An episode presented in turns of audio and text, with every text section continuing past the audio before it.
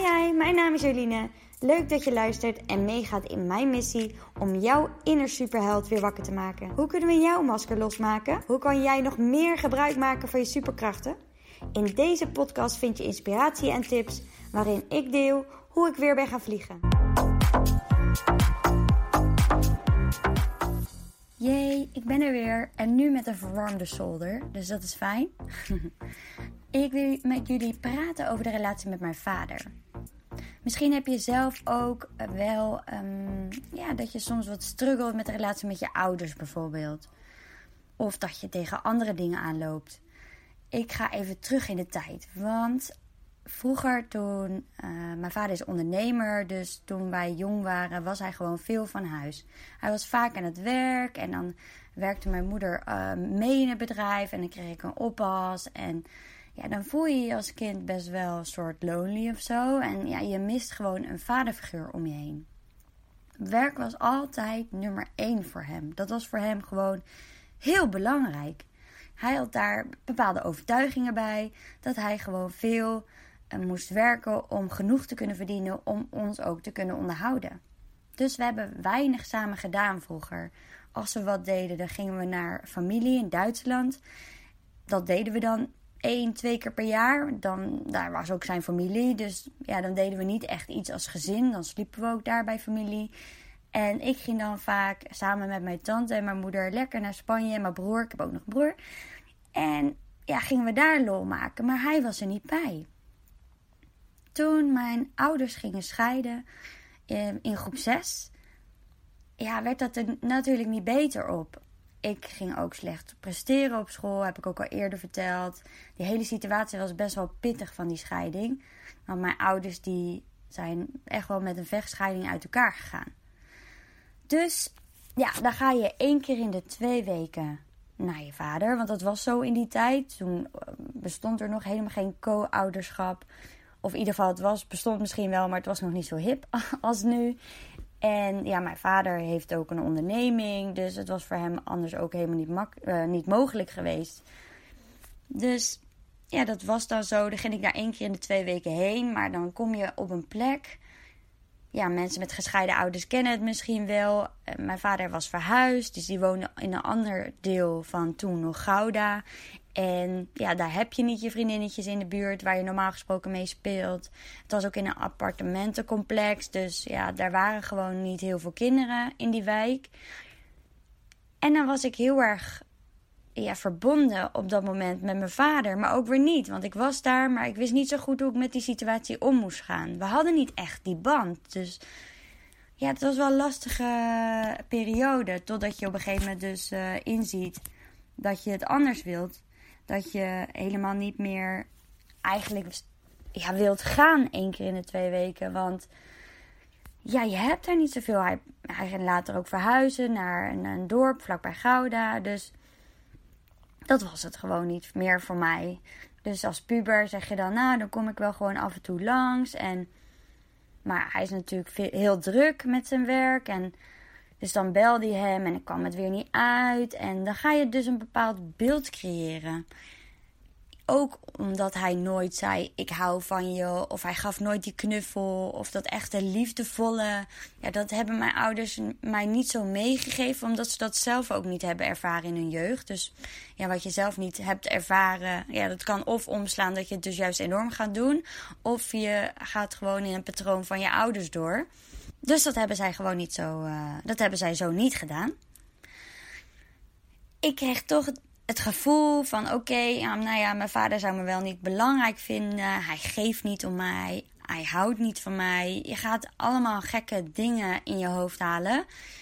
Omdat je niet die band hebt die je vrienden of vriendinnen misschien wel hebben met hun ouders. Die wel die knuffel krijgen. Die wel, waar dat wel geuit wordt. Dus ik had ook verteld, hè, toen had ik hulp gezocht. En toen kwam ik erachter dat ik dus ook heel veel verdriet had om hoe hij was. En dat ik dat altijd had weggestopt. Alle situaties van gemis kwamen op dat moment naar boven. Het niet gezien worden, maar ook dat hij er niet bij was op de momenten die belangrijk voor mij waren. Bijvoorbeeld mijn turnwedstrijden vroeger. Dat we geen vakanties hebben gehad, niet echte vakantie hebben gehad met elkaar. Dat we uh, eigenlijk weinig hebben ondernomen. Dat ik heel weinig herinneringen heb aan hem.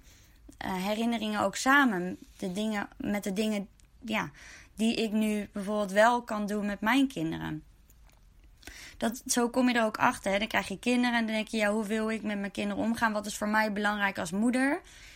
En dan kom je er ook achter, hè, maar ja, dat heb ik wel heel erg gemist van mijn vader. En waarom leg ik nou zoveel nadruk op het praten, eh, bijvoorbeeld? Ja, ik heb vroeger niet heel erg veel gepraat met mijn ouders. Dus grappig dat je dat dan weer zo kan herleiden aan toen. En daarbij kwam ik ook achter dat ik alles aan het goed praten was. Dat ik de situatie aan het goed praten was. En door het goed te praten, praten cijferde ik dus mezelf ook weg. Uh, ja, want ik zei dan, ja, hij kan er ook niks aan doen. Hij had het druk en hij had stress en hij moest veel werken voor ons. Want ja, uh, wij kosten geld en hij moest ons onderhouden. Dus daarom ja, gaf ik mezelf ook het gevoel dat ik, dat ik niks mocht voelen. Terwijl hij, hij kon er verder niks aan doen. Weet je, ik creëerde dat gevoel. En hij deed gewoon zijn best. Maar zo zag ik dat niet. Later in ieder geval niet. Want ja, door het goed te praten ging ik dus deze emotie uh, uitzetten.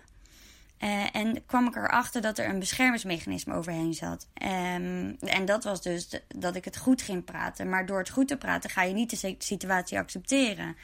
Dan ga je er een soort van tegen vechten. Dan zit die emotie niet in de oké-zone, zou ik maar zeggen. Dus ik creëerde op die manier een muur voor mezelf. Een hele hoge muur. Um, waardoor het ook lastig was om, um, ja, om andere dingen tegemoet te treden. Zoals um, mijn werk bijvoorbeeld. Ik had heel erg bewijsdrang op mijn werk. Ik wilde heel graag gezien worden. Uh, ik was heel erg bezig met uh, autoriteit. Dus dat vond ik heel lastig. Dat vertelde ik geloof ik ook in mijn eerste podcast dat komt ook eigenlijk allemaal terug uit uh, non-acceptatie van je vader. Daar vertel ik later nog meer over. Ik heb in die periode superveel gehuild tijdens deze sessies. En mega hoofdpijn gehad. Omdat al die emoties eruit kwamen van die periode. Al die onverwerkte emotie, emoties die ik had als klein kind. Wat dus gewoon doorwerkte op mijn lichaam. Die periode was echt wel een heftige periode.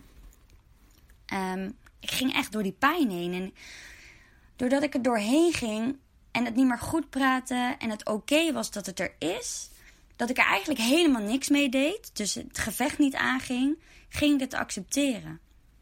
En toen begon ik ook weer te voelen. Er brak een stuk van die muur af. Nou, dat, was, dat voelde al zo fijn.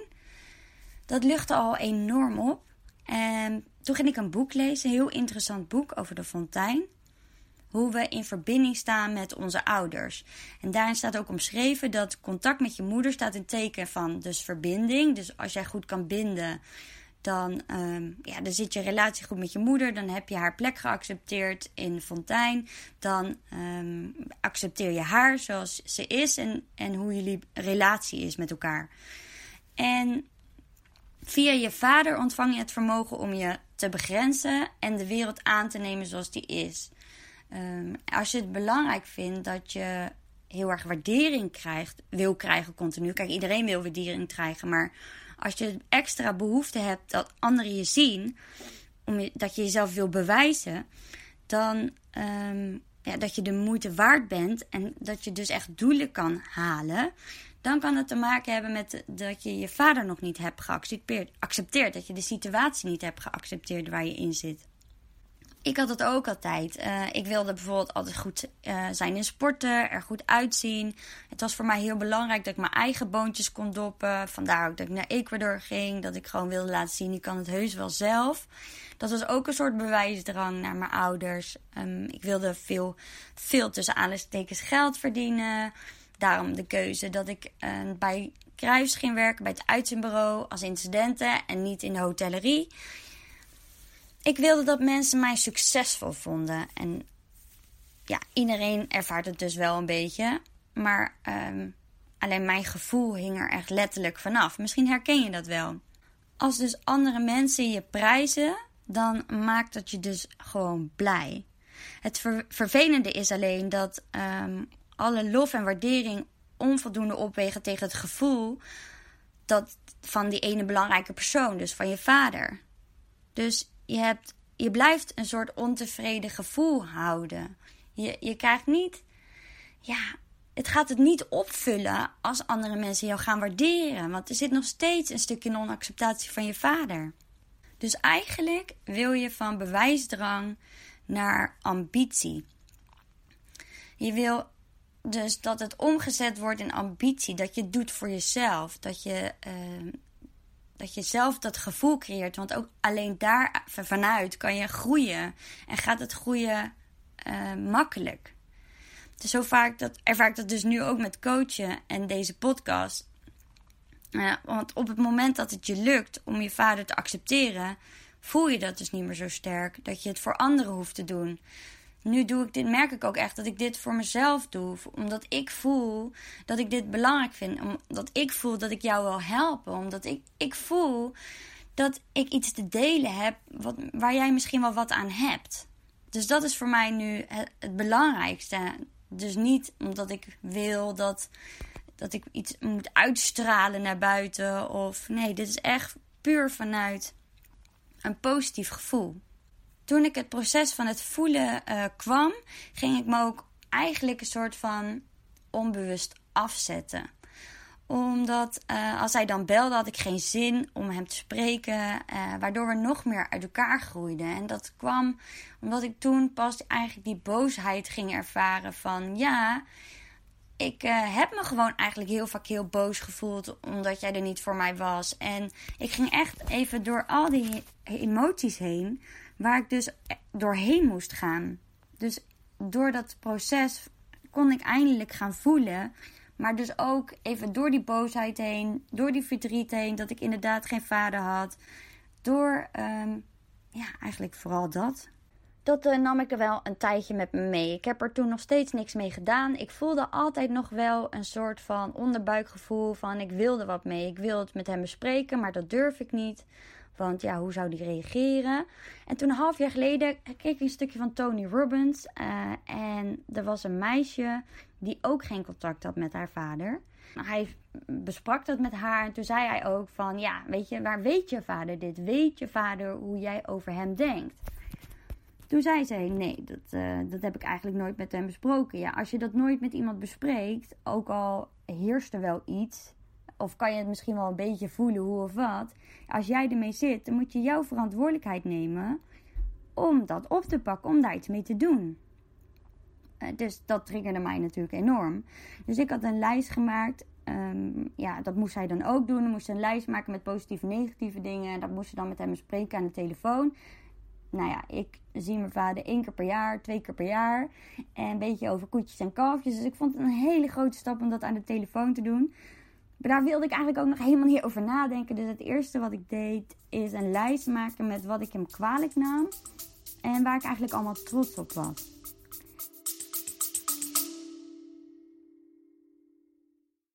Sorry dat ik je onderbreek, maar mocht je nou tijdens het luisteren van deze podcast opmerken, is dat je zoveel erkenning ervaart en voelt dat je er wat mee wil, dat je deze kennis die je nu hoort in de praktijk wil brengen, vraag dan gewoon eens een vrijblijvend gesprek aan via www.lean-forward.nl of ga naar mijn link in bio in, op lean-forward op Instagram. En dan kletsen we even over jouw uitdaging, je verlangens. Dan kan ik direct die rode draad eruit pikken waar jij mee aan de slag mag gaan. En dan kunnen we kijken en mag jou voelen of later beslissen zelfs nog of jij in eventueel het één traject zou willen stappen. Dus wie weet ga ik je zien. En daar ben ik mee aan de slag gegaan. Dat heb ik eerst gewoon lekker opgeschreven. Zonder nog er iets mee te willen doen. Om het gewoon van me af te schrijven. En toen kwam ik erachter dat ik ook wel dus uh, hem dingen kwalijk nam. Dat waren dan wel de grote dingen. Maar dat ik ook heel, voor heel veel dingen wel dankbaar was. En dat waren dan juist voornamelijk de kleine dingen. Die juist uh, zo warm en liefdevol voelden. Dus de dingen waren dat hij bijvoorbeeld zo hard heeft gewerkt, zodat we nooit tekort zijn gekomen. Er zit natuurlijk ook iets moois in. Ik bedoel, hij heeft altijd gedacht dat hij dus dat moet doen, zodat wij ja, een mooi leven kunnen hebben. Dus hij heeft zichzelf ook heel erg eigenlijk daarin weggecijferd. Of um, ja, hij was vroeger in, uh, in goede buien, blije buien, was hij heel, was echt vaak aan het fluiten thuis. En tijdens werk. En daar werd ik altijd zo blij van als klein meisje. Dat dacht oh, papa is lekker blij. En daar heb ik hele mooie herinneringen aan. Daar werd ik ook gewoon heel blij van. Of ja, ik voelde bijvoorbeeld enorm dat ik ertoe deed als ik uh, postzegels mocht plakken op uh, enveloppen. Klinkt nu echt super stom, postzegels plakken op enveloppen. Als de facturen de deur uit moesten, want dat ging toen nog per post. Ja, dus dat zijn dan de kleine dingen waar je dan wel uh, heel veel waarde in één keer weer van gaat inzien. En daarbij, omdat ik dat ging opschrijven, kreeg ik heel veel uh, liefdevolle gevoelens in één keer weer. Dus zag ik niet alleen maar het negatieve waar ik al die tijd op gefocust heb. Ja, maar zag ik ook het positieve weer in. Dan ga je weer ook de andere kant kijken. Dan zie je, kan, kan je ook weer gaan focussen eigenlijk op de positieve dingen. Want je brein neemt iets aan en daar richt je je continu op. en dan verandert dat ook niet. Maar als je brein het positieve aanneemt en weer kijkt naar de, de mooie dingen. Dan, als je daarop richt, dan krijg je hele andere emoties en gevoelens dan hè, als je op je negatieve richt. Dus toen heb ik een eh, mail gemaakt alweer een paar weken later hoor. Ik moest even bezinken allemaal. Ik wilde mezelf niks opleggen. Het is heel belangrijk dat je het ook alleen maar doet als je het zo voelt. Toen heb ik een mail gemaakt met alle, uh, ja, met alle punten die ik eigenlijk had opgeschreven. En dat had ik verwerkt in een verhaal. Geheel oordeelvrij. Echt zonder aanval. Echt met mijn gevoel. Uh, hoe ik de dingen ervaren heb. Hoe het voor mij was. Um, ja, en dan ook met gewoon geen verwachting terug. Zo van: ik wil dit graag met je delen. Voel je vrij om te reageren. Dit verwacht ik niet van je, weet je? Want ik kan me voorstellen dat het voor hem ook heftig is als je in één keer zo'n mail krijgt van, hè, met die hele situatie van toen. Nou, toen ik die mail had gedaan, was, we had verstuurd, was ik ook wel even heel zenuwachtig. Maar ook heel erg opgelucht. Ik was zo blij en zo trots dat ik dit had gedaan. Dat ik me er overheen had gezet. Dat ik, ja, ik wilde, ik wilde dit zo graag sturen. Want een vriendinnetje van mij, die is uh, even geleden, wat langer geleden, haar vader plotseling verloren. En dat had mij ook zo geraakt. En waarom? Omdat ik het gevoel had ook geen vader te hebben. Terwijl ik had die eigenlijk wel, maar ik deed er niks mee. En ik nam ook niet mijn verantwoordelijkheid om de situatie te veranderen. Dus ja, ook ik kan daar iets mee. Ik ben nu 32 jaar. Ik ben niet meer dat meisje van vroeger die verzorgd moet worden door haar vader. Ik kan nu zelf ook die stap nemen. Eh, in plaats van koppig blijven doen. En maar wachten tot hij een keertje zijn excuses aan zou bieden. Of hè. Uiteindelijk, na ik denk een week, had hij gereageerd. Ik was het alweer bijna vergeten. Ik kreeg een mail. Hele fijne, lieve mail. Hij heeft er echt even voor gezeten ook. Eh, om zijn verhaal te doen, zijn gevoel op te schrijven. Ook wel met daarin, ja, dat hij het misschien wel anders had willen doen. Hij heeft ook uitgelegd waarom hij heeft gedaan wat hij heeft gedaan, zonder zich te verantwoorden, denk ik. Zo voelde het in ieder geval voor mij. Dus dat was super fijn. Daarvanuit heb ik hem ook een WhatsAppje gestuurd van... kan ik volgende week of zo langskomen met de kindjes? Dan zien we elkaar weer een keer. En dat heb ik gedaan. Toen kwamen we daar aan op een zaterdag, terwijl hij eigenlijk moest werken. Dus super lief dat hij daarvoor heen en weer wilde rijden.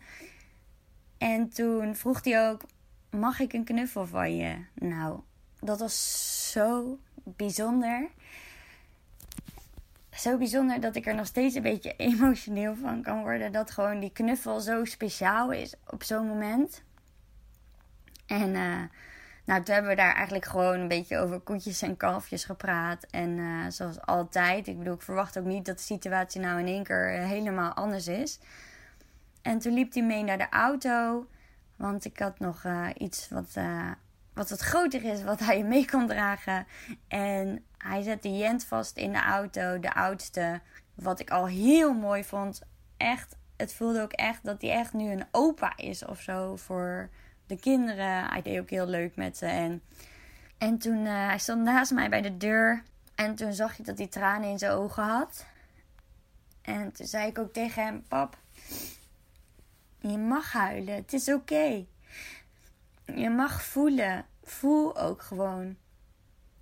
En toen gaf ik hem weer een knuffel. En toen hebben we gewoon een soort van gehuild samen. Maar voor mij echt enorm van blijdschap. De liefde spatte er vanaf. En ook alle druk en alle boosheid en al het verdriet viel zo van me af. Het was zo'n bijzonder moment. Als je zo lang eigenlijk niet het gevoel hebt dat je een vader hebt gehad. En dan in één keer kan je, kan je iets delen met hem. Kan je je verdriet delen.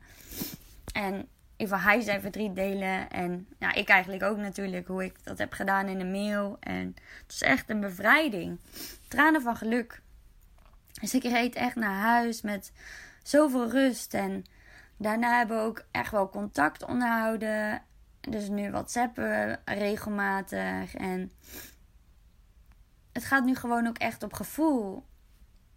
En ik geloof ook wel dat we hier vast ook wel wat meer over kunnen kletsen, misschien in de toekomst. Of... En anders, als dat niet zo is, is dat ook oké. Alleen ik ben gewoon blij dat ik heb kunnen zeggen wat ik altijd al heb willen sturen. Dus niet alleen alle nare dingen, maar ook dat ik super trots op hem ben. Gewoon wat hij allemaal heeft bereikt met zijn drive. En ik heb daar ook heel veel van geleerd natuurlijk. Dus ja, zolang je dus een verhaal in je hoofd kan uh, hebben, zolang je dus focust op iets negatiefs, blijft het dus ook negatief. En jij kan er dus voor kiezen om, om dat dus zelf te doorbreken. Dus ook als je je vader bijvoorbeeld niet meer hebt of um, dat je hem helemaal niet meer ziet, maar je bent wel in staat om hem aan te nemen zoals hij is, met alles erop en eraan, zul je merken dat je bewijsdrang ook omslaat in ambitie. Dus je krijgt dan weer een rust over je heen. Je bent weer blij met de prestatie die je zelf geleverd hebt. En dat merk ik dus nu met wat ik doe en de passie, mijn passie die ik nu volg in het coachen. En ja, dat maakt me zo gelukkig. Ik ben daar zo blij mee dat ik dat nu. Ik kan, had het ook niet eerder kunnen doen. Dit was echt mijn moment. En daar had ik dus ook dit stukje met mijn vader voor nodig. Dus je kan zelf jouw nieuwe verhaal herschrijven. Misschien heb jij ook wel zo'n relatie met je vader of met je moeder. Dat kan ook natuurlijk.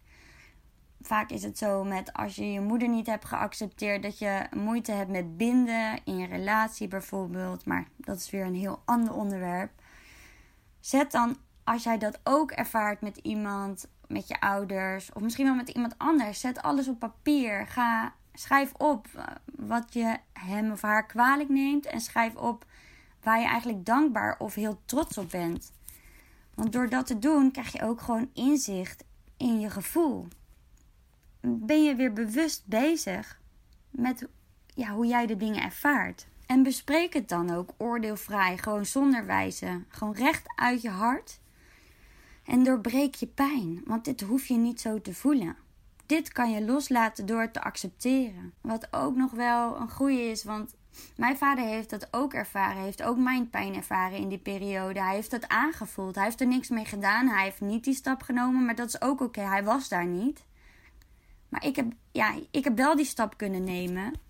En jij kan dit ook doen. Jij kan die stap nemen om dingen te doorbreken. Jij kan dus jouw nieuwe, nieuw, jij kan een nieuw verhaal schrijven in, in jouw relatie met die persoon. Dus ga het delen. Doorbreek het. Welke stap ga jij nemen in het zetten van het doorbreken van zware emoties, van een niet fijn hebbende relatie met iemand? Wat ga jij doen? Ik ben super benieuwd. Laat het me weten. Doei!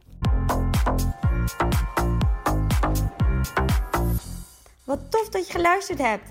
Deel het op Instagram om ook anderen te inspireren en tag mij. Dankjewel. Tot de volgende keer. Doei!